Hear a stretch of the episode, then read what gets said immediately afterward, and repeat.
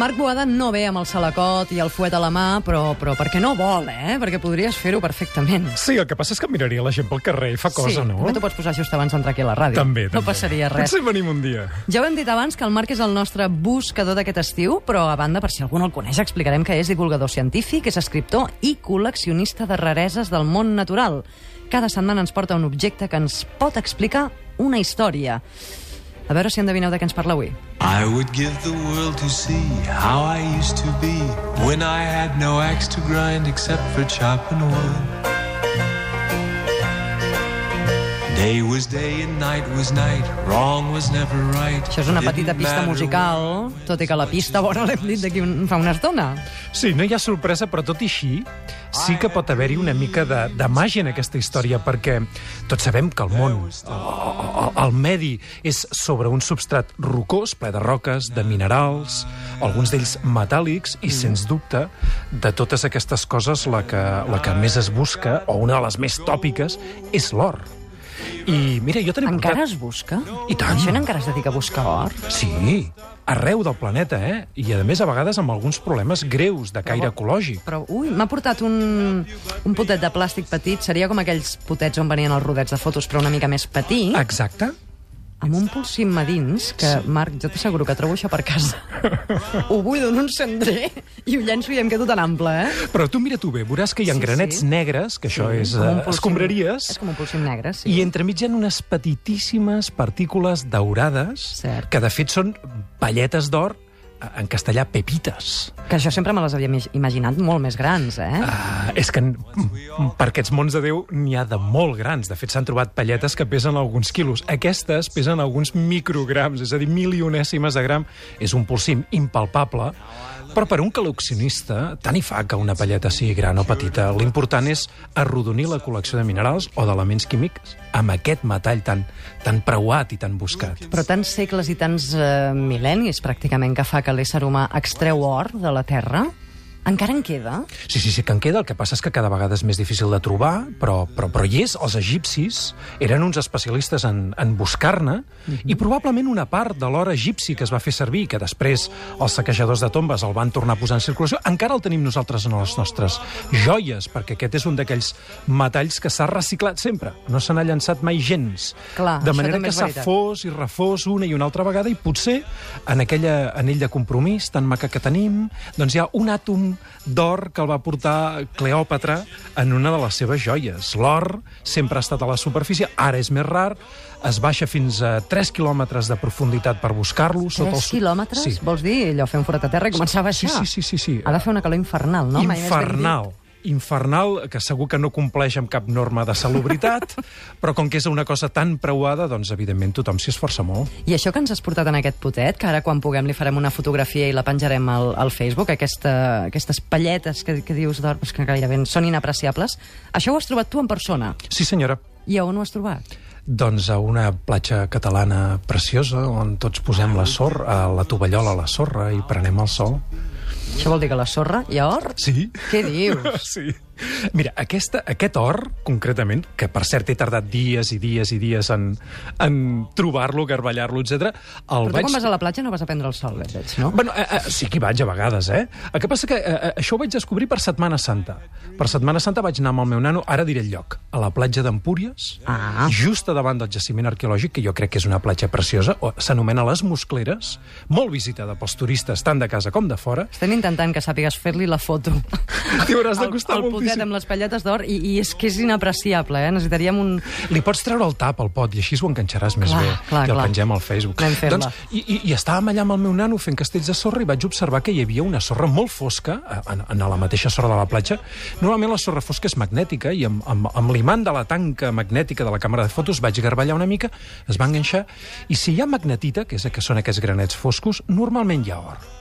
I aleshores... Van junts, són com una parella de fet. Sí, perquè són, sí, perquè són minerals molt densos que normalment s'acumulen junts al fons de la platja, molt lluny de la- de l'aigua, la, eh, perquè les onades de les tempestes eh, el llencen fins als llocs més allunyats i allà es queda sedimentat. I llavors, I ara deixa'm fabular. Sí. Si a tu això ho vas trobar a la platja d'Empúries, pot ser que aquestes palletes d'or formessin part d'alguna joia grega que en el seu dia, al segle brr, abans de Crist, va ser, què sé jo, un anell, també, un braçalet? No, en aquest cas no, aquest és un or... Vaja. Aquest és, diguem que la platja és un jaciment secundari, el jaciment primari es trobaria en els massissos de l'interior de l'Empordà, uh, l'erosió, la pluja, el vent, etc desgasta les muntanyes, Els- els això va parar al riu. Els incendis forcen encara més l'erosió, dissortadíssimament, Mhm. i aleshores el riu Fluvià és el que s'encarrega de portar-ho fins a aquelles costes on es queda sedimentat en alguns punts molt especials. De fet,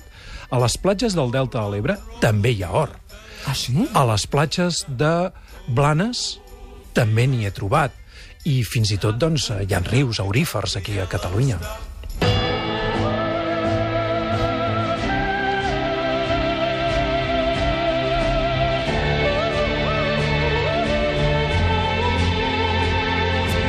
Esclar, la, la, la imatge que tindríem d'una persona que, que busca or seria més aviat aquesta, la que acompanya aquesta banda sonora, no? De- D'uns homes, normalment, eh, vaquers a l'oest, eh, anant amb aquelles mena de, de sedassos, llibrells eh, en un riu, als Estats Units, o el que ara són els Estats Units, i no seria la imatge de Marc Boada amb una tovallola o un parasol anant a la platja. Eh, No exactament, perquè jo sóc una mica vergonyós. Aleshores, de fet, el dia que vaig eh, deduir que hi havia la possibilitat d'or, jo portava una gosseta de plàstic per, pi- per posar-hi els mitjons mullats del meu nano. Mm. No li vaig posar i vaig recollir uns grapats de sorra, me'n vaig anar a casa i allà amb tota discreció, precisament amb un d'aquests, amb, un de, amb un cossi, en castellà es diu batea, en català Sí. sí. no ho sé. Uh, Ara ho preguntarem. ja ho preguntarem.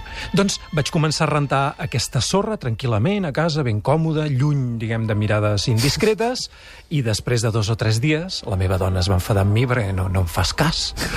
no vens a dinar. or, estic buscant or, carinyo. Exacte. Doncs vaig trobar aquesta, aquesta quantitat absolutament minúscula d'or, però que a mi, com a col·leccionista de minerals, doncs ja, diguem, em va fer estar prou content. Perquè... Tan minúscula que ens ha costat molt fer-li la foto, però Sí. Hem reeixit, ens n'hem sortit, hem aconseguit retratar aquest or que, que avui ens ha portat en Marc Boada. Escolta'm, i si et dediques a buscar barra trobar or, et deus estar fent ric, no, paio? Eh, doncs no, perquè és que amb aquests mil·ligrams o micrograms, aquestes milionèsimes de gram, no em pago, vaja, ni el cafetó que vaig prendre a mig matí. Eh, eh, podria... És ben segur que a la, a la platja d'Empúries hi ha algun quilo d'or, potser. Quilo. Sí, el que passa és que disseminat en una àrea tan gran que o eh, adoptes mètodes de recuperació industrial o és impossible extreure'l a un preu competitiu. De fet, hi ha moltes mines al món que l'or que treuen o el mineral que, que garbellen té una llei baixíssima. Estem parlant de que pot haver-hi eh, fraccions de gram per tona de roca que extreuen, que és una quantitat baixíssima, però com que... Fraccions de... Espera't, espera't. Fraccions de gram per tona de roca que extreuen. Sí, sí, sí, És a dir, una misèria. Una misèria. Un, un jaciment seria riquíssim si tingués un, dos, tres grams d'or per tona de material. Això ja seria una riquesa extraordinària. Molt sovint això és impossible perquè aquests ja han estat localitzats, però la gent persevera, persevera, troben cada vegada mètodes més fàcils per garballar grans quantitats ingents de roques i separar-ne aquesta fracció mínima, però tan i tan i tan valuosa i tan estratègicament valuosa. Que sapigues que una batea és un cossi. Un cossi, val. Un cossi. Un Doncs sí, sí, sí, jo vaig estar amb un cossi, dale, dale que te pego. Preguntem com es diu, dale, que te pego.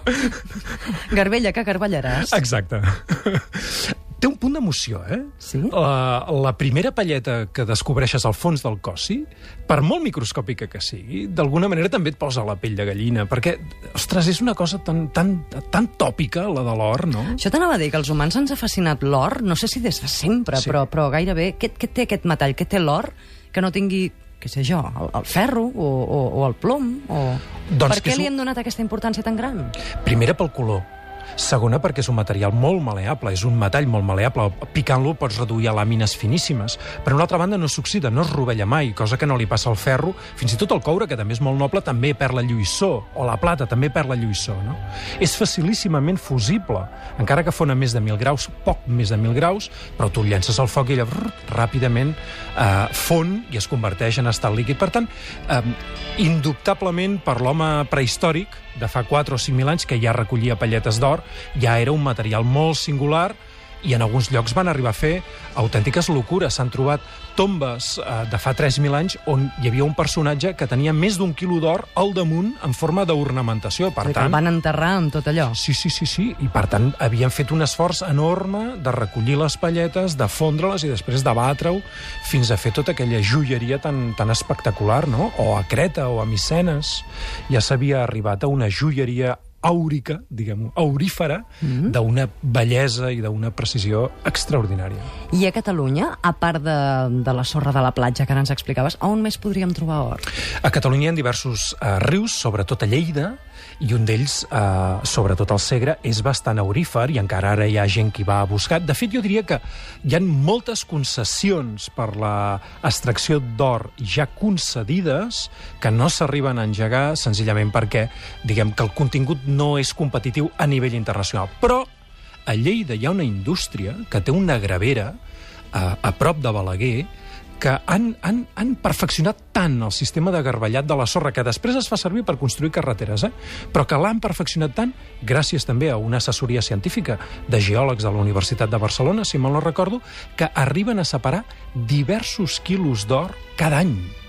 Per tant, mm, sí que hi ha una mínima producció d'or català aquí a casa nostra, cosa que mm, jo fa uns quants anys em pensava que era algo de, alguna cosa, diguem, de, de ciència-ficció. O de, No crec. o de pel- pel·lícules de l'Oest. Sí, sí, sí, sí. En Marc Boada és el nostre buscador i cada dimecres ens porta coses que ha trobat tot buscant buscant.